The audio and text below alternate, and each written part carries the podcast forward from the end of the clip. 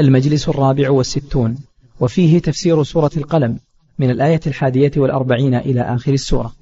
أعوذ بالله السميع العليم من الشيطان الرجيم. يوم يكشف عن ساق ويدعون إلى السجود فلا يستطيعون. خاشعة أبصارهم ترهقهم ذلة. وقد كانوا يدعون إلى السجود وهم سالمون. فذرني ومن يكذب بهذا الحديث. سنستدرجهم من حيث لا يعلمون. وأملي لهم إن كيدي متين.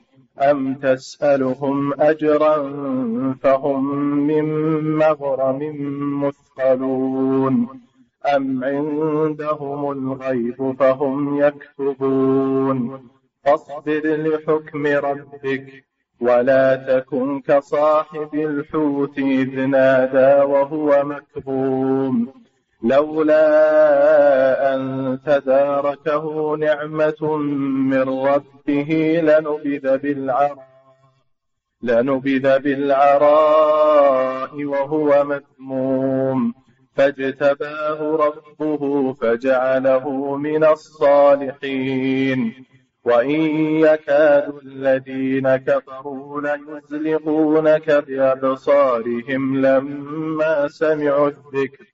ويقولون إنه لمجنون وما هو إلا ذكر للعالمين. بسم الله الرحمن الرحيم. الحمد لله رب العالمين. صلى الله وسلم على نبينا محمد وعلى آله وأصحابه أجمعين. قال الله سبحانه وتعالى يوم يكشف عن ساق ويدعون إلى السجود فلا يستطيعون خاشعة أبصارهم ترهقهم ذلة. وقد كانوا يدعون إلى السجود وهم سالمون. قوله تعالى يوم يكشف عن ساق يوم هذا وقت. وظرف لقوله تعالى إن للمتقين عند ربهم جنات النعيم. متى يكون للمتقين عند ربهم جنات النعيم؟ في هذا اليوم يوم القيامة. يوم يكشف عن ساق وهو يوم القيامة. عبر عنه بذلك لشدة هوله. وما يحدث فيه من الفزع وما يكون فيه من الكروبات الشدائد تقول العرب كشفت الحرب عن ساقها إذا اشتدت وحمي وطيسها. كشفت الحرب عن ساقها. وذلك لأن من عادة الإنسان أنه إذا وقع في أمر خطير يريد التخلص منه فإنه يشمر عن ساقه يشمر عن ساقه. فهذا اليوم يحصل فيه هول شديد تنكشف فيه أمور عظيمة ويشتد الأمر بالناس. هذا مع هذا من معنى من معنى قوله يوم يبشر عن ساق أي يوم يشتد الأمر ويعظم الهول وكذلك في هذا اليوم يكشف الله جل وعلا عن ساقه كما في الحديث الصحيح عن أبي سعيد الخدري رضي الله عنه وغيره. حديث صحيح من طرق لا شك فيه. إن الله جل وعلا يأتي في هذا اليوم يكشف عن ساقه جل وعلا فعند ذلك يخر المؤمنون الذين كانوا يعبدونه في الدنيا ويسجدون له يخرون سجدا تعظيما لربهم سبحانه إذا كشف عن ساقه ويريد المنافقون الذين كانوا يظهرون الإيمان في الدنيا خداعا ومكرا ويصلون تظاهرا لا إيمانا يريدون أن يسجدوا مع المؤمنين فتتسلط ظهورهم كصياص البقر فلا يستطيعون السجود. عقوبة لهم وخزيا لهم في هذا الموقف تتصلب ظهورهم ويدعون إلى السجود فلا يستطيعون. وكذلك الكفار الذين كانوا في الدنيا إذا قيل لهم اركعوا لا يركعون أيضا تتصلب ظهورهم. وإنما يسجد لله جل وعلا المؤمنون الصادقون في إيمانهم المحافظون على الصلوات الدنيا والمحافظون على الجماعة على صلاة الجماعة أيضا. والذي يتخلف عن صلاة الجماعة ولا يصليها في المسجد أيضا يصيبه تصيبه هذه العقوبة يوم القيامة. خاشعة أبصارهم أي ذليلة. تكون أبصارهم ذليلة من الخوف والفزع. ترهقهم أي تغشاهم ذلة في هذا الموقف. ذلة ومهانة. بخلاف المؤمنين فإنهم يفرحون بهذا اليوم ويكونون أقوياء عزيزين. ترهقهم ذلة. وقد كانوا يدعون كانوا في الدنيا يدعون إلى السجود. وكانوا قد كانوا يدعون إلى السجود وهم سالمون فلا يصلون. فلا يصلون أصلا. أو أيضا لا يصلون لكنهم لا يصلون مع الجماعة تخلفون عن صلاة الجماعة. وهذا من صفات المنافقين. وذلك لقوله وقد كانوا يدعون أي يسمعون النداء هيا على الصلاة هيا على الفلاح فلا يجيبون الداعي وهم سالمون ليس فيهم آفة تمنعهم من السجود. فابتلاهم الله في هذا اليوم بالخزي والعار وحرمهم من السجود إذا كشف سبحانه عن ساقه. حرمهم من السجود عقوبة لهم. فهذا شامل للمنافق وشامل لتارك صلاة الجماعة من غير عذر وشامل للكافر الذي أبى أن يصلي. إذا قيل لهم اركعوا لا يركعون قد كانوا يدعون إلى السجود وهم سالون قال تعالى فذرني ذرني هذا خطاب للرسول صلى الله عليه وسلم أي لا يهمك أمرهم وعنادهم وكفرهم. لا يهمك هذا لأنك بلغتهم الرسالة فاترك شأنهم لي. وكلهم إلي فأنا أتولى جزاءهم. أنا أتولى جزاءهم. ما على الرسول صلى الله عليه وسلم إلا البلاغ. ذرني. ومن يكذب بهذا الحديث أي القرآن؟ كل أمرهم إلي. تولى جزاءهم. فذرني ومن يكذب بهذا الحديث أي بهذا القرآن الذي تتلوه عليهم ويسمعونه. ولا يؤمنون به ولا يتأثرون به. اترك جزاءهم لي. سنستدرجهم من حيث لا يعلمون. يستدرجهم الله بالنعم. استدرجهم بالنعم حتى يزيد طغيانهم وكفرهم.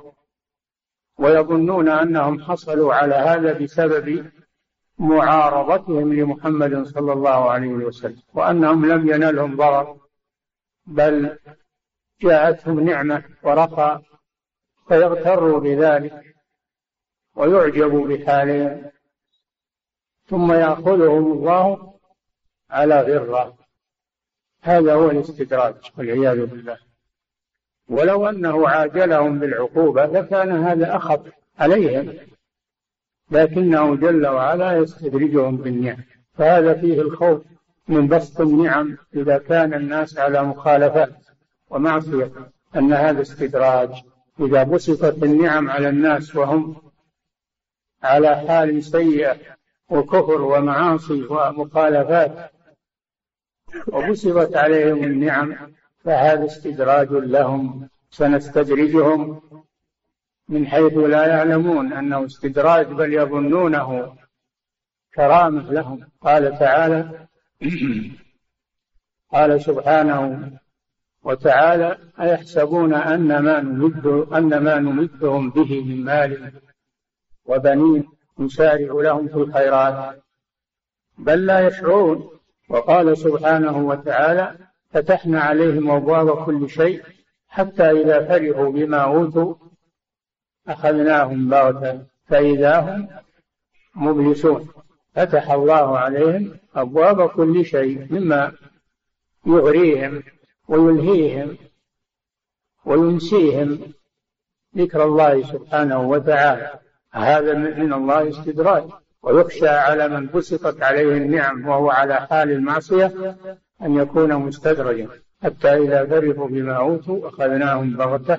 فإذا هم مبلسون فقطع دابر القوم الذين ظلموا والحمد لله رب العالمين. والآيات في هذا كثير التي فيها الاستدراج بالنعم سنستدرجهم من حيث لا يعلمون أن الله يستدرجهم بل يظنونه يكرمهم ويغترون بما هم عليه لأنه هو السبب في حصول هذه النعم والعياذ بالله. أما المؤمن فإنه إذا عصى الله يعجل الله له العقوبة لأجل أن يمحصه من أجل أن يتوب إلى الله سبحانه وتعالى. أما الكافر فإن الله يملي له ويستدرجه حتى يزيد في الكفر والطغيان. فإذا تأمن وفرح بما أعطي أخذه الله بغتة. فإذا هم مبلسون أي آيسون من رحمة الله سبحانه وتعالى. سنستدرجهم من حيث لا يعلمون وأملي لهم أملي لهم أي أؤخرهم ولا أعاجلهم بالعقوبة ليزدادوا من الكفر والطغيان حتى يشتد عذابهم وعقوبة وعقوبتهم. ولا يحسبن الذين كفروا أن ما نملي لهم خير لأنفسهم إنما نملي لهم ليزدادوا إثما ولهم عذاب مهين. فالإملاء هو التأخير تأخير وعدم المعاجلة بالعقوبة ليشتد كفر الكافر بتأخيره ويكثر كفره في طول عمره وإمهاله وأملي له. إن كيدي متين. يقول الله جل وعلا إن كيدي. فالله يكيد يكيد بمعنى أنه يوصل العقوبة لمن يستحقها على وجه لا يشعر به على وجه خفي. هذا الكيد من الله سبحانه. الكيد من الله أن يوصل العقوبة إلى من يستحقها على وجه خفي لا يشعر به. وأما الكيد من المخلوق فهو مذموم لأنه جور وهو إيصال الأذى لمن لا يستحقه. الكيد من الإنسان مذموم لأنه إيصال للأذى لمن لا يستحقه فهو ظلم. وأما الكيد من الله فهو عدل. الكيد من الله فهو عدل منه سبحانه وتعالى. فهذا فرق ما بين الكيد من الله والكيد من المخلوق. إن كيدي متين أي عظيم لا يحاط به. لا يحاط به. إن كيدي متين. قال الله جل وعلا أم تسألهم أجرا؟ أي طمعا دنيويا على تعليمك إياه وتبليغك إياهم هل تسألهم على ذلك طمعا دنيويا حتى يقولوا إنه يريد أخذ أموالنا يريد الطمع لنفسه تسألهم أجرا على تبليغ الرسالة والدعوة إلى الله والإنذار وتعليم الناس الخير؟ هل الذي صدهم عنك أنك تطلب منهم أموالهم؟ فهم من مغرم مثقلون من مغرم يعني من الغرامات المالية تحملهم إياها في مقابل أنك تعلمهم؟ كلا النبي صلى الله عليه وسلم وكل الرسل لا يسألون أجرا على تبليغهم رسالة ربهم وإنما يريدون الخير للبشرية. لا يريدون من ذلك نفعا حاجلا لأنفسهم حتى يتهموا. لا يريدون إلا نفع البشرية. وإخراجها من الظلمات إلى النور. هذا مقصد الرسل عليهم الصلاة والسلام. لا يريدون طمع الدنيا أبدا. ولذلك كان النبي صلى الله عليه وسلم لما فتحت عليه الفتوحات وصارت تأتيه الغنائم والفيء كان يصرفها في الجهاد وفي سبيل الله وعلى الفقراء والمساكين ولا يختص منها بشيء لنفسه بل يعيش عيشة الفقراء عليه الصلاة والسلام. كان يعيش عيشة الفقراء وربما يصيبه الجوع عليه الصلاة والسلام وربما يربط على بطنه الحجر من الجوع مع أنه لو أراد لملك الدنيا كلها. الرسل ما جاءوا لأجل الدنيا. ما جاءوا لأجل الدنيا وليست هذه مهمتهم. والدنيا ما تساوي عندهم شيئا. أبدا. وإذا جاءهم شيء منها أنفقوه في سبيل الله عز وجل. هذا سبيل الرسل وخاتم وسبيل خاتمهم محمد صلى الله عليه وسلم. فليسوا بمتهمين لأنهم يريدون الطمع أو يريدون الرئاسة في الأرض إنما يريدون هداية البشر إلى الخير. كما قال آل فرعون لموسى وهارون وتكون لكم الكبرياء في الأرض اتهموا موسى وهارون أنهم جاءوا يريدون نزع الرئاسة وأن يترأسوا على الناس. هذا اتهام باطل. هذا ما يساوي شيئا عند الرسل أبدا. لا الرئاسة ولا المال ولا الجاه ولا أي شيء. ما يساوي شيء عند الله عند الرسل عليهم الصلاة والسلام وإنما هذا شأن الدنيئين الجشعين. نزه عنه الرسل وأتباع الرسل. تسألهم أجرا. من أجله صاروا مثقلين بدفعه لك حتى كرهوه ونفروا منه الرسول صلى الله عليه وسلم كان ينفق المال من عنده يعطي ويتألف الناس. ما كان يأخذ منهم شيئا لنفسه أبدا عليه الصلاة والسلام. أن تسألهم أجرا فهم من مغرم مثقلون حتى ينفروا منك ويتهموك بالطمع. والجشع وإرادة المال حاشا وكلا. أم عندهم الغيب علم الغيب وهم يعرفون أن لهم العاقبة الحسنة وأنهم على الحق وأنت على الباطل. أبدا العلم عند الغيب علمه عند الله سبحانه وتعالى. إذا كيف يحكمون لأنفسهم بالرفعة والمكانة والصواب؟ ويحكمون على الرسول صلى الله عليه وسلم بأنه كذاب وأنه ساحر وأنه شاعر وأنه وأنه هل اطلعوا على علم الغيب فعرفوا صوابهم وخطأ الرسول صلى الله عليه وسلم؟ كلا عندهم الغيب فهم يكتبون. كل هذه الأمور منتفية. ليس لهم عذر عند الله سبحانه. ولم يبقى إلا العناد. والتكبر والاستكبار على طاعة الله سبحانه وتعالى. ثم إن الله سبحانه وتعالى وجه نبيه عليه الصلاة والسلام أن يصبر على على ما يلاقيه منهم. يصبر على ما يلاقيه منهم. لأن الفرج قريب والعاقبة للمتقين. فاصبر لحكم ربك. اصبر على ما يقولون. سبح بحمد ربك. قبل طلوع الشمس وقبل الغروب وهذا قبل أن يؤمر بالجهاد. هذا يوم كان في مكة. مأمور بتبليغ الرسالة فقط والدعوة إلى الله ولم يؤمر بالجهاد إلا بعد الهجرة. فاصبر لحكم ربك انتظر. ولا تكن كصاحب الحوت صاحب الحوت. وهو يونس عليه السلام يونس بن متى عليه الصلاة والسلام. فإنه لما دعا قومه وآذوه ولم يستجيبوا له ولم تنزل عليهم عقوبة فإنه لم يصبر بل خرج من بينهم وذهب تركهم ولم يصبر.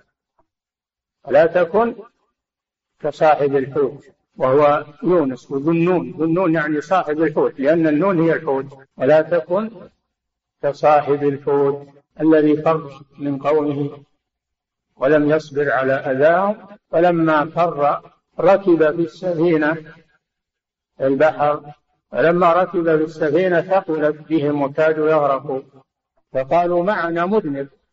من هو؟ فقرعوا القرعة فخرجت القرعة على نبي الله. يونس عليه السلام خرجت عليه القرعة فألقوه في البحر لتخف السفينة. فالتقمه الحوت. لما ألقوه التقمه الحوت. ابتلاء وامتحان التقمه الحوت. وهو مليم. أي مذنب. لما التقمه الحوت وأصابه الغم في بطن الحوت لجأ إلى الله سبحانه وتعالى. لجأ إلى الله سبحانه وتعالى. واعترف بذنبه. نادى في الظلمات أن لا إله إلا أنت. توسل إلى الله بالتوحيد سبحانك إني كنت من الظالمين. فاستجبنا له فنجيناه من الغم وكذلك ننجي المؤمنين. الآية الأخرى فلولا أنه كان من المسبحين أي من المصلين في وقت الرخاء للبث في بطنه إلى يوم يبعث. ولكن الله أنجاه بسبب أنه سبقت له الطاعة لله عز وجل. كان من المسبحين. فأنجاه الله سبحانه وتعالى. كما قال صلى الله عليه وسلم تعرف إلى الله في الرخاء يعرفك في الشدة. ولولا أنه كان من المسبحين للبث في بطنه إلى يوم يبعث أنجاه الله سبحانه وتعالى بصلاته وتسبيحه في حالة الرخاء. إذ نادى وهو مكظوم نادى ربه ماذا قال؟ قال لا إله إلا أنت سبحانك إني كنت من الظالمين. في الظلمات ظلمة ظلمة الليل وظلمة البحر وظلمة بطن الحوت والأمواج من فوقه وسمع الله صوته من فوق سبع سماوات سمع نداءه سبحانه وتعالى ودعاءه. فاستجاب له استجاب له. إذ نادى وهو مكظوم أي مغتم مكظوم يعني مهتم مغتم مشتد به الأمر. دعا ربه سبحانه وتعالى. إذ نادى وهو مكظوم. ثم أدركته رحمة الله سبحانه وتعالى فقذفه الحوت في العراء يعني في الأرض الواسعة. وهو سقيم متهري الجلد متهري الجلد بعد كونه في الحوت. فيه آلام وجروح فأنبت الله عليه شجرة من يقطين. أنبتنا عليه شجرة من يقطين. لئلا يقع عليه الذباب. تحميه من الذباب وتظله حتى يتكامل جلده وتصفو بشرته. رحمة من الله سبحانه وتعالى. ولا تكن كصاحب الحوت إذ نادى وهو مكظوم. لولا أن تداركه نعمة من ربه. رحمة من الله سبحانه وتعالى. وإجابة لدعوته. لنبذ في العراء يعني في الأرض الصحراء بدون ظل وبدون حماية. فعند ذلك يشتد عليه الأمر أشد من يوم كان في بطن الحوت. لكن الله استدركه برحمته سبحانه وعنايته ولطف به. لولا أن تداركه نعمة من ربه لنبذ بالعراء وترك. لكن الله لم يتركه لما نبذ بالعراء بل إنه لطف به ورحمه حتى تعافى. ثم تاب الله عليه مما حصل منه تاب عليه واجتباه واختاره. نبيا ورجع إلى قومه. فدعاهم إلى الله فأسلموا.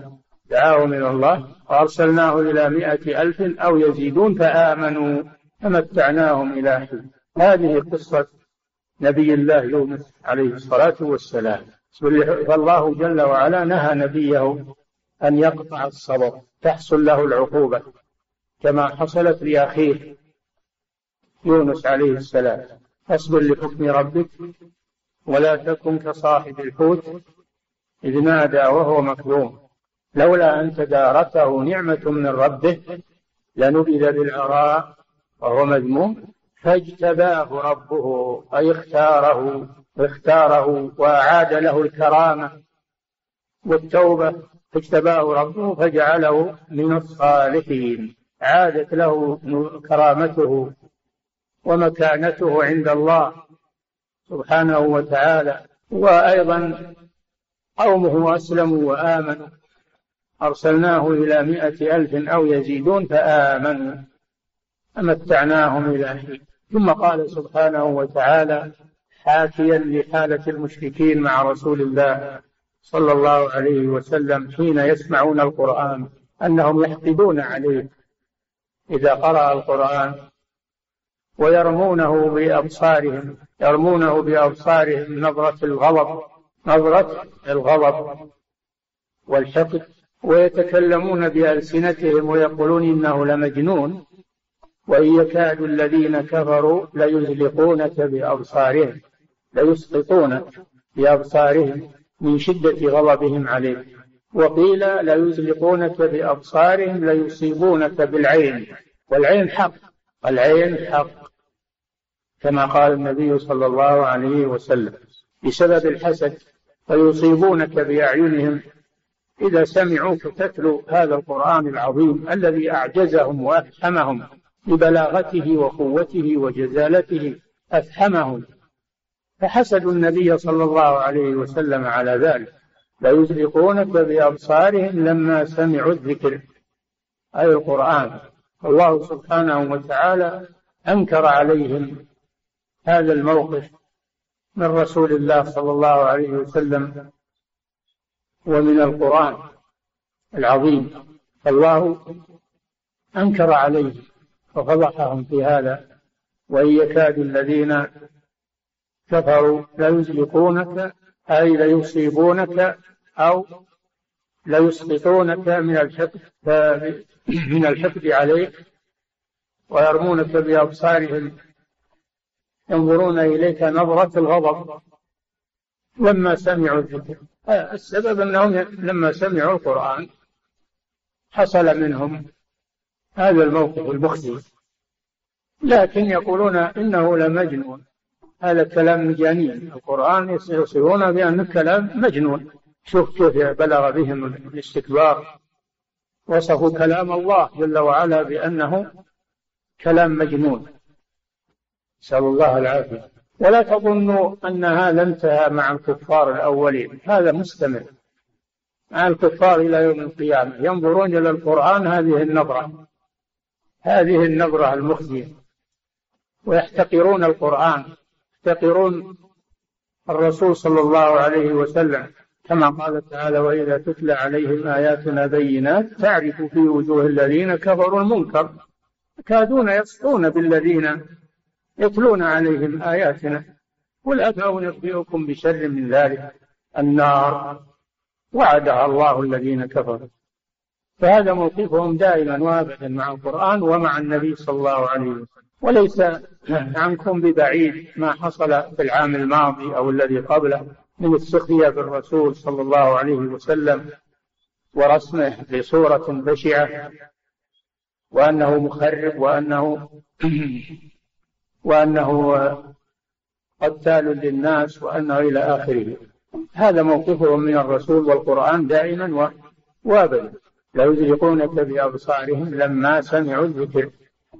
ويقولون إنه أي الرسول صلى الله عليه وسلم لمجنون. لا تواخذوه لا تواخذوه لأنه مجنون. والمجنون لا يؤاخذ. وهذا كما في أول السورة. ما أنت بنعمة ربك بمجنون هذا ما ذكره الله في أول السورة ذكره في ختامها أنهم ما زالوا يصفون الرسول صلى الله عليه وسلم بهذا الوصف من أجل أن يهونوا من شأنه ويصدوا عنه وينفروا عنه ولكن هل هل يضرون الرسول؟ هل يضرون القرآن؟ أبدا إنما يضرون أنفسهم ويحرمون أنفسهم وقد يضرون من اغتر بهم وصدقهم وافتتن بهم يضرون إنما المؤمنون الصادقون لا يضرهم هذا ولا بل يزيدهم هذا إيمانا بالرسول تصديقا له.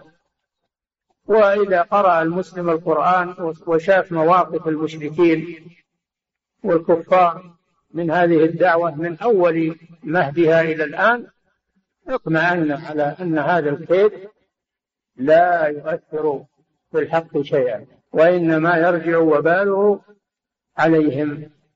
فلله الحمد والمنة. وبهذا انتهت انتهى تفسير هذه السورة العظيمة. والله أعلم. صلى الله وسلم على نبينا محمد وعلى آله وأصحابه أجمعين. أحسن الله إليكم سماحة الوالد. يقول السائل هل يفهم من قول الله من قول الله تعالى أم تسألهم أجرا فهم من مغرم مثقلون على عدم جواز أخذ الأجرة على تعليم القرآن والسنة والدعوة إلى الله إذا كان الداعية فقيرا أو متفرغا لذلك. إذا كان ما يدعو ولا يعلم القرآن إلا بالأجرة التعليم شيء آخر لكن إذا كان لا يدعو إلى الله إلا بالأجرة فهذا لا يدعو إلى الله وإنما يدعو إلى نفسه ويريد المال. هذا لا يجوز. أنه يأخذ هجرة من الناس. أما أن ولي الأمر يعطيه شيء من الراتب ليستعين به ويتفرغ للدعوة إلى الله هذا ليس أجرة. هذا رزق من بيت المال وبيت المال إنما جعل لأجل المشاريع الخيرية من التعليم ومن القضاء والإفتاء والدعوة إلى الله سبحانه وتعالى. هذه مشاريع بيت المال من مشاريع بيت المال. فلا فلا إثم عليه في ذلك. الرزق من بيت المال ليس أجرة وإنما هو إعانة للقيام بهذه المهام العظيمة. ففي فرق بين الأجرة وبين الإعانة من بيت المال. نعم. أما أخذ الأجرة على التعليم لا بأس. على تعليم القرآن لا بأس. تؤخذ الأجرة عليه وعلى الرقية في مانع. لكن على الدعوة صلى الله عليكم سماحة الوالد يقول السائل روى البخاري ومسلم عن أبي هريرة رضي الله عنه أن النبي صلى الله عليه وسلم قال لا ينبغي لأحد أن يقول أنا خير من يونس بن متى. وقد أورده ابن كثير رحمه الله في تفسيره لهذه الآيات فما المراد بهذا الحديث؟ المراد واضح. المراد واضح أنك لا تفاضل. قال صلى الله عليه وسلم لا تفاضلوا بين الأنبياء. إذا ذكر يونس أو غيره من باب التنقص له هذا لا يجوز. أما إذا ذكر تفاضل الأنبياء من باب التحدث بنعمة الله لا بأس. تلك الرسل فضلنا بعضهم على بعض. فإذا ذكر هذا من باب التحدث بنعمة الله لا بأس. أما إذا ذكر من باب التفاخر والتفاضل وتنقص المفضول فهذا لا يجوز. فهذا معنى قوله صلى الله عليه وسلم لا تفضلوني على يونس ابن مكة. إذا كان هذا من باب التنقص ليونس عليه السلام. نعم. صلى الله عليكم سماحة الوالد يقول السائل في قول الله تعالى يوم يكشف عن ساق. يقول الساق من أي الصفات؟ صفات الذات. الساق من صفات الذات. صفات الله الذاتية. نعم. مثل الوجه مثل اليد. نعم. صلى الله عليكم سماحة الوالد يقول السائل روي عن النبي صلى الله عليه وسلم أنه قال من فاتته صلاة العصر فقد حبط عمله. يقول هل المراد بفوت الصلاة أي صلاة الجماعة؟ أم المراد فوات وقت الصلاة وخروج وقتها؟ من فوت الصلاة فوتها وتعمد إخراجها عن الوقت حبط عمله. هذا يدل على أن من ترك صلاة واحدة متعمدا أنه يكفر ويرتد. وعليه التوبة من جديد. فالمراد من فاتته صلاة العصر أي فوت وقتها متعمدا. أما لو نام لو نام أو نسي فلا حرج عليه يقضيها. ولا من نسي صلاة أو نام عنها فليصليها. إذا ذكرها لا كفارة لها إلا ذلك. لكن من تعمد إخراجها عن وقتها فهو يكفر بهذا. عليه التوبة إلى الله عز وجل. نعم. صلى الله عليكم سماحة الوالد يقول السائل ما هو آخر وقت لإدراك تكبيرة الإحرام؟ نعم. يقول أحسن الله عليكم ما هو آخر ما هو آخر وقت لإدراك تكبيرة الإحرام في الصلاة السرية والجهرية؟ إذا حضرتها مع الإمام أدركتها. وأما إذا كبر الإمام وأنت ما حضرت لا تكبيرة الإحرام. نعم. صلى الله إليكم سماحة الوالد يقول السائل في قول النبي صلى الله عليه وسلم سبعة يظلهم الله في ظله يوم لا ظل إلا ظله. يقول هل في ذلك إثبات صفة الظل لله تعالى؟ وما المانع من ذلك؟ ما المانع من ذلك؟ فيه إثبات الظل لله سبحانه وتعالى. نعم. فيه إثبات أيضا ظل العرش العرش له ظل الصدقة لها ظل يوم القيامة تظلل صاحبها. نعم. أحسن الله إليكم سماحة الوالد يقول السائل لم أدفع زكاة الفطر في رمضان لأنه لا يوجد معي مال. يقول أحسن الله إليكم لم أدفع زكاة الفطر في رمضان لأنه لا يوجد معي مال. ولي راتب ولكني أصرفه في خمسة أيام. فهل علي شيء؟ إذا كنت لم تخرجها لأنك عاجز فليس عليك شيء. أما إذا كنت قادر على إخراجها لكنك لم تخرجها من باب التكاسل أو النسيان أو فإنك تقضيها. لازم من قضائها. نعم. أحسن الله إليكم سماحة الوالد يقول السائل ذهبت إلى المسجد الحرام بمكة ووجدت أناسا يدعون الأولياء والصالحين من دون الله ويقولون نستشفع بهم فما الواجب علي تجاههم؟ تعلمهم. الواجب أن تعلمهم. أن هذا لا يجوز. ودعاء الأولياء والصالحين شرك. ما هو باستشفاع هذا شرك. شرك بالله عز وجل. أن المساجد لله فلا تدعو مع الله أحدا. فدعوة غير الله شرك. وليس هو من باب الاستشفاع وإنما هو الشرك الصريح فأنت تعلمهم وتخبرهم بأن فعلهم هذا شرك. وليس هو استشفاع نعم. أحسن الله إليكم سماحة الوالد يقول السائل هل يستدل بقوله تعالى يوم يكشف عن ساق على كفر تارك الصلاة. على إيش؟ على كفر تارك الصلاة. استدلوا به على عقوبته يوم القيامة. استدلوا به على عقوبته يوم القيامة. فعليه أن يتوب إلى الله إذا كان يتهاون في صلاة الجماعة. يتوب إلى الله ويحافظ على صلاة الجماعة لئلا يدركه تدركه هذه العقوبة. نعم. صلى الله عليكم سماحة الوالد يقول السائل من كان مقصرا في الطاعة ولم يسارع إلى فعل الخيرات. وقد آتاه الله تعالى من النعم. فهل يعتبر هذا استدراج لهذا الشخص؟ نوع من الاستدراج. نعم يعتبر هذا نوعا من الاستدراج. عليه أن يتوب إلى الله سبحانه وتعالى. نعم. صلى الله عليكم سماحة الوالد. يقول السائل ما هي أفضل الصدقات التي يقدمها المسلم في الدنيا قبل وفاته؟ صدقة على المحتاجين على المحتاجين والفقراء والمساكين. هذا أفضل الصدقة على المحتاج من الناس من المسلمين. نعم. صلى الله عليكم سماحة الوالد. السائل كيف نجمع بين الآيات والأحاديث التي تذكر بأن المؤمنين يوم القيامة لا يحزنهم الفزع الأكبر وبين الآيات والأحاديث الأخرى التي تذكر أن الناس جميعا في ذلك اليوم يصيبهم من الخوف والفزع حتى الأنبياء عليهم السلام. يزول حزن يزول ولكن الكفار حزن يدوم ولا يزول. أما المؤمن يصيبه الفزع لكن يزول هذا. ويأتيه الفرح والسرور. نعم. أحسن الله إليكم سماحة الوالد. يقول السائل ستر اليدين في الصلاة واجب. فهل ستر الوجه كذلك واجب بالنسبة للنساء؟ بالنسبة للنساء نعم. واجب. ستر الوجه عن الرجال. ستر الوجه عن الرجال واجب في الصلاة وفي غيرها.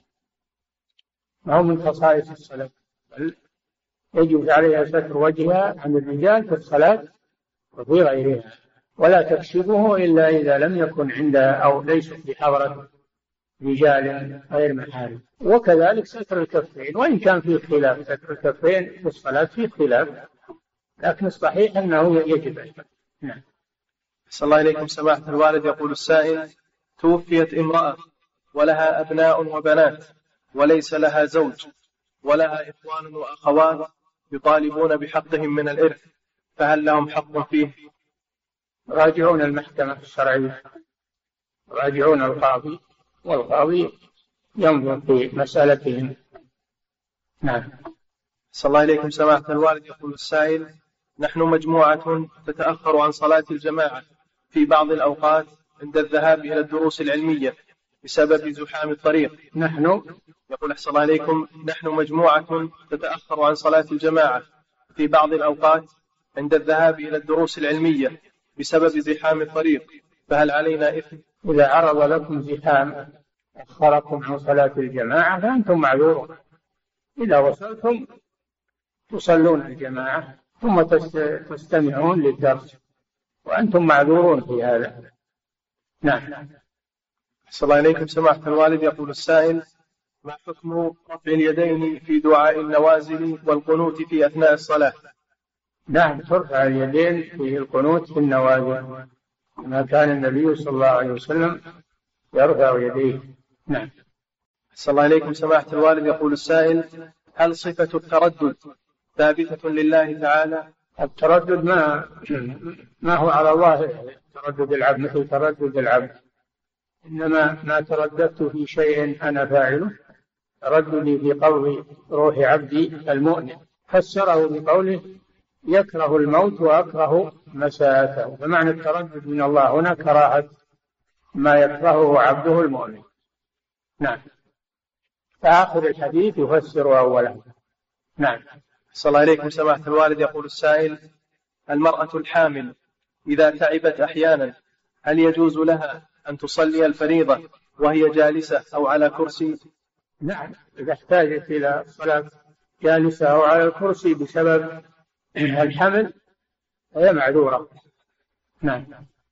صلى الله عليكم سماحة الوالد يقول السائل تسمية المولود هل هي من حق الزوج أو من حق الزوجة أو من كليهما؟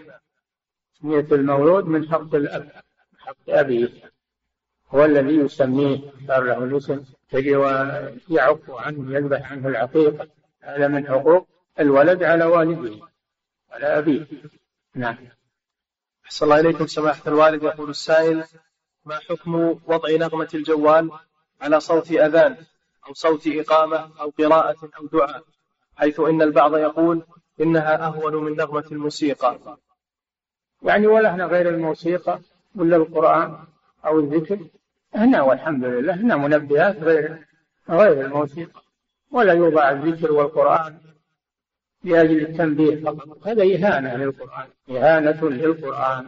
وكم شغلوا المصلين بهذه الأصوات التي تنبعث من جوالاتهم أثناء الصلاة. تجد هذا يقنت وهذا يصيح وهذا يقرأ. ويشوش على الناس. يضع منبه خفت خفت خفيف يشعر به هو ولا يمتد صوته على الناس. نعم. صلى الله إليكم سماحة الوالد. يقول السائل كيف نجمع بين الأحاديث الواردة في الحث على الزهد في الحياة الدنيا؟ وفيه أيضا طريق آخر وهو أن يوضع على الصامت فإذا سلم يشوف من اللي كلمه. يرتسم الرقم على الجوال ويعرف من الذي كلمه بدون صوت وبدون إزعاج. نعم. صلى الله عليكم سماحة الوالد يقول السائل كيف نجمع بين الأحاديث الواردة في الحث على الزهد في الدنيا وبين قول النبي صلى الله عليه وسلم إن الله يحب أن يرى أثر نعمته على عبده وهل الزهد يكون في المأكل والمشرب والملبس والمركب أم في جميع المال؟ الزهد هو التواضع. وعدم الكبر وعدم الانشغال عدم الانشغال بالفضولات التي لا يحتاج إليها لا يشغل وقته بالأشياء الزائدة عن حاجته. بل إنه يجعل طلب الرزق لكن لا لا يستغرق كل الوقت مع طلب الدنيا. هذا هو الاعتدال وهذا هو الزهد. ليس الزهد إنك تترك الدنيا ولا تستعمل منها شيء ولا تتزوج ولا تطلب الرزق ولا ما هو هذا هو الزهد هذا منهي عنه. اطلب الرزق وتزوج وأنفق والحمد لله. لكن آه، الانشغال بالمال حتى عن الطاعات وعن صلاة الجماعة وعن هذا هو المنهي عنه. لا تلهكم أموالكم ولا أولادكم عن ذكر الله. إذا نودي للصلاة من يوم الجمعة أسعوا إلى ذكر الله. وذروا البيع. نعم. صلى الله عليكم سماحة الوالد يقول السائل هل, يست... هل هل تقرأ الآية وهي قول الله تعالى وإن يكاد الذين كفروا ليزلقونك بأبصارهم هل تشرع قراءتها وتكرارها على المصاب بالعين؟ لا بأس. لا بأس بذلك تقرأ على المصاب بالعين. نعم. وتقرأ عليه سورة الناس من شر حاسد إذا حسد. نعم. صلى الله إليكم سماحة الوالد. يقول السائل ما حكم قراءة سورة الكهف في يوم الجمعة؟ وردت فيها أحاديث تقوي بعضها بعضا ويدل على سنية قراءتها في هذا اليوم. نعم. أحسن الله إليكم سماحة الوالد. يقول السائل ما معنى قول النبي صلى الله عليه وسلم؟ من قال حين يصبح وحين يمسي اللهم ما أصبح أو ما أمسى بي من نعمة أو بأحد من خلقك. فمنك وحدك لا شريك لك فلك الحمد ولك الشكر. من قالها فقد أدى شكر يومه. حديث واضح ما ما في غموض. في استحباب أن يقول هذه الكلمة في الصباح والمساء يحصل على شكر الله سبحانه وتعالى في يومه. نعم. صلى الله إليكم سماحة الوالد يقول السائل ورد في دعاء القنوت اللهم متعنا بأسماعنا وأبصارنا وقواتنا أبدا ما أبقيتنا. يقول ما المراد بهذا الدعاء؟ ما تعرف الأسماع والأبصار تعرف بصرك ولا تعرف سمعك. وأما القوات فقيل هي الأسنان التي تأكل بها الطعام. نعم. صلى الله إليكم سماحة الوالد. يقول السائل هل يجوز شراء سيارة لطالب علم من أموال الزكاة؟ يقول أحسن الله إليكم هل يجوز شراء سيارة لطالب علم من أموال الزكاة علما بأنه يستخدمها فيما يعينه على طلب العلم ويستخدمها أيضا في أموره الخاصة. الفقير يعطى ما يحتاج إليه من مسكن وشراء كتب علمية وسيارة يستخدمها لحوائجه. هذه من حاجاته الضرورية لا بأس. نعم. صلى الله عليكم سماحة الوالد. أيضا يزوج؟ أيضا يزوج لأن الزواج من حاجاته الضرورية. نعم. صلى الله عليكم سماحة الوالد يقول السائل ما هي أفضل وأصح المختصرات بتفسير ابن كثير؟ تفسير ابن كثير ما يحتاج إلى مختصرات. هو مختصر واضح. لا أنت دلوه على الاختصارات ولا أحسنوا فيها أيضا. لو ترك فهو مختصر واضح ولله الحمد. نعم. صلى الله إليكم سماحة الوالد. تقول السائلة امرأة تريد أن تعمل في محل لتأجير المسجلات. تقول أحسن الله إليكم امرأة تريد أن تعمل في محل لتأجير المسجلات والأشرطة وما يحتاجه أصحاب حفلات الزواج.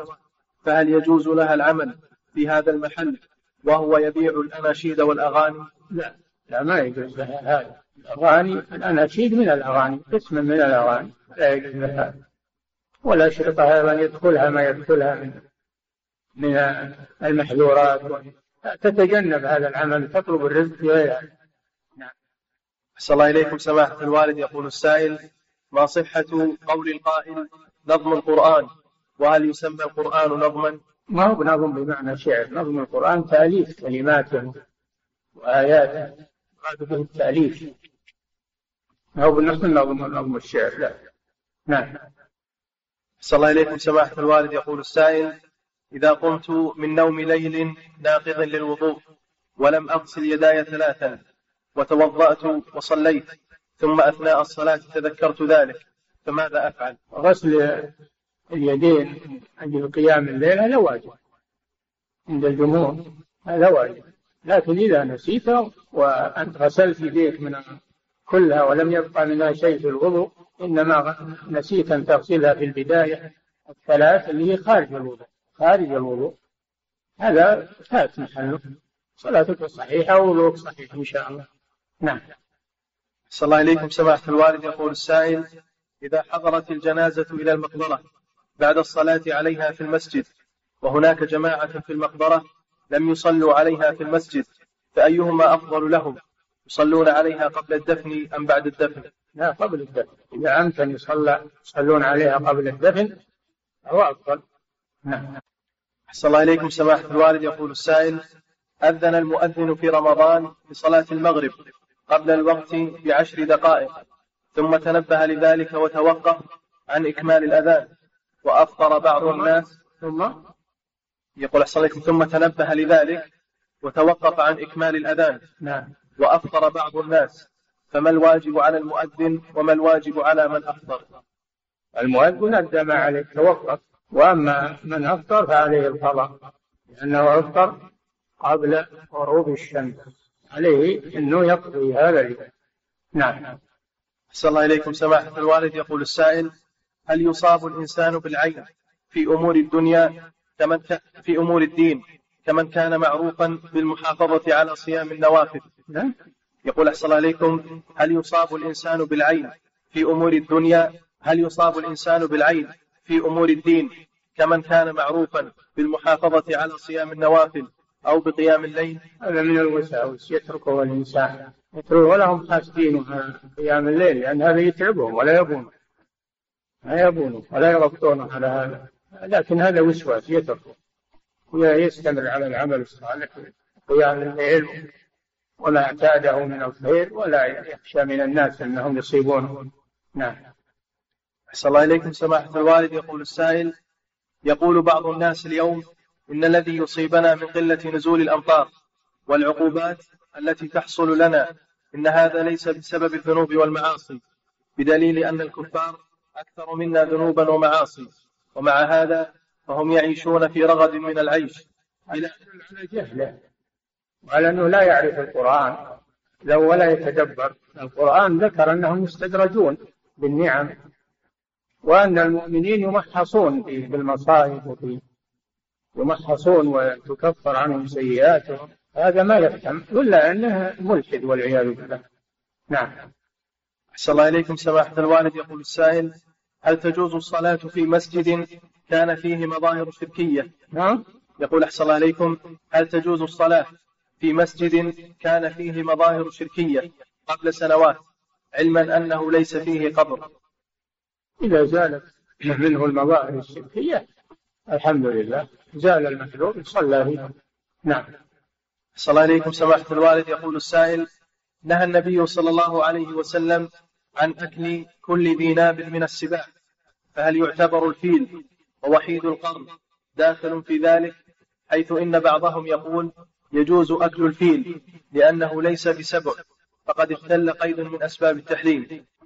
إذا كان يفترس في نابه فهو سبع.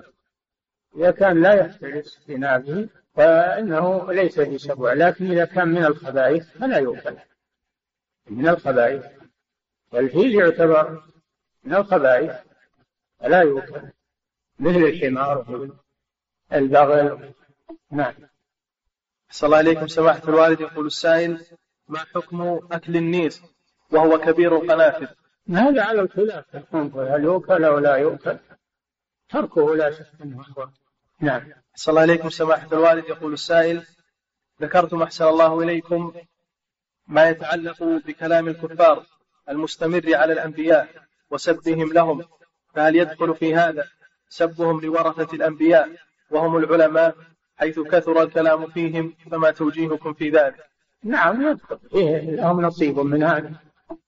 لأنهم ما سبوهم لأشخاصهم ولا ولا ل ولا لسبب بينهم أو خطأ حصل منهم إنما سبوهم لاتباعهم للأنبياء وأخذهم العلم الشرعي فينالهم من الذم ما ما ما ينالهم من هذا. الله جل وعلا قال ولئن سألتهم ليقولن إنما كنا نخوض ونلعب. قل أب الله وآياته ورسوله. كنتم تستهزئون. لا تعتذروا. قد كفرتم بعد إيمانكم. هذا من الاستهزاء بآيات الله. لأن العلماء هم حملة القرآن وهم حملة آيات الله. فإذا كان يبغضهم ويسبهم من أجل هذا فإنه يخشى عليه من الردة أما إذا كان بينه وبينهم عداوة ولا أنهم أصابوها وأخطأوا عليها شيء دنيوي. نعم. صلى الله إليكم سماحة الوالد يقول السائل امرأة نذرت لله تعالى إن رزقها الله بولد وقد رزقها الله الولد أن تصوم سنة كاملة وأن تسأل المال من سبعة بيوت وأن أن تسأل المال من سبعة بيوت وأن تطعم سبعين بيتا خبزا عليه دبس. فهل وأن تطعم سبعين بيتا خبزا عليه دبس فهل يجب عليها الوفاء بنذرها؟ تسأل المال إيش؟ تسأل المال من سبعة بيوت إيش معنى هذا؟ تسأل المال من سبعة بيوت تشهد يعني من سبعة بيوت عليها أن تكتب سؤالا وترسله للإفتاء ينظرون فيه إن شاء الله نعم أحسن الله عليكم سماحة الوالد يقول السائل بعض الأئمة يلقي في اليوم السابع عشر من رمضان كلمة عن غزوة بدر العظمى أو يخطب خطبة جمعة أو يخطب خطبة جمعة عنها. فما حكم هذا الفعل؟ لا بأس بذلك إذا كان هذا من باب التذكير للناس وشكر نعمة الله عز وجل. أما إذا كان هذا يعتقده من باب الاحتفال وأن هذا سنة كان يعتقد أن هذا سنة وأنه من باب الاحتفال هذا لا يجوز الاحتفال بهذه المناسبة. نعم. صلى الله عليكم سماحة الوالد. يقول السائل ما معنى قول واجعلها الوارث منا في دعاء القنوت؟ باقية يعني. اجعلها باقية إلى إلى الموت. اجعلها الوارثة منا أي أبقها لنا إلى الموت. نعم. صلى الله عليكم سماحة الوالد. يقول السائل هل ثبت من صفات الله تعالى أن الله تعالى يمشي؟ الذي ثبت في القرآن يأتي ويجيء سبحانه وتعالى. أما المشي؟ ما ما أعرف شيء من هذا. نعم صلى الله عليكم. سماحة الوالد يقول السائل يأتي كيف يشاء ويجي يوم القيامة كيف يشاء؟ ولا نفسره بأنه يمشي أو أن نعم. الله أعلم. صلى الله عليكم. سماحة الوالد يقول السائل إذا أقام المؤذن للصلاة وأنا في الركعة الثانية فهل أقطع الصلاة؟ أحسن إنك تخففها تكملها أحسن. لأن الله جل وعلا يقول ولا تبطلوا أعمالكم. ما دام إنك في آخرها خففها وأكمل. الحمد لله. نعم.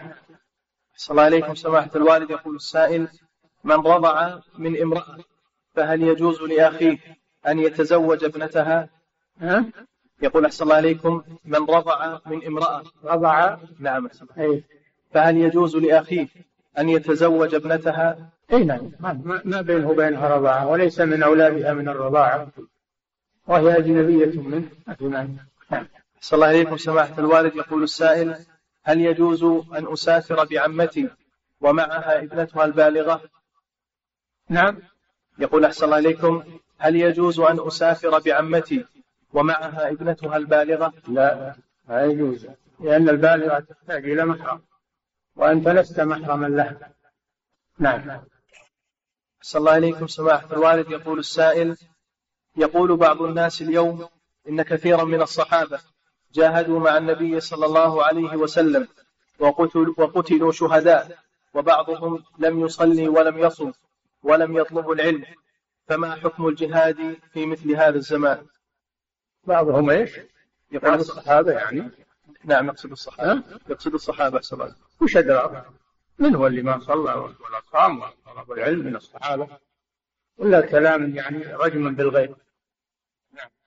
صلى الله عليكم سماحة الوالد. يقول السائل ما ورد في قول الله تعالى عن نبيه يونس عليه السلام فلولا أنه كان من المسبحين للبث في بطنه إلى يوم يبعثون وفي الآية الأخرى قال تعالى لولا أن تداركه نعمة من ربه للبث في بطنه إلى يوم يبعثون يقول كيف نجمع بين الآيتين؟ هي الآية. كررها جيب الكلام من أوله يقول أحسن الله عليكم يقول الله تعالى فلولا أنه كان من المسبحين للبث في بطنه إلى يوم يبعثون. نعم.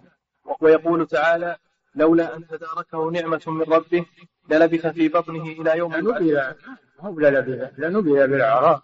وهو مذموم. وأخطأ في لفظ الآية الثانية. وحط بينهم تعارض بسبب تركيب الهو ولبس من تعارض. نعم. انتهى أحسن الله تعالى أعلم وصلى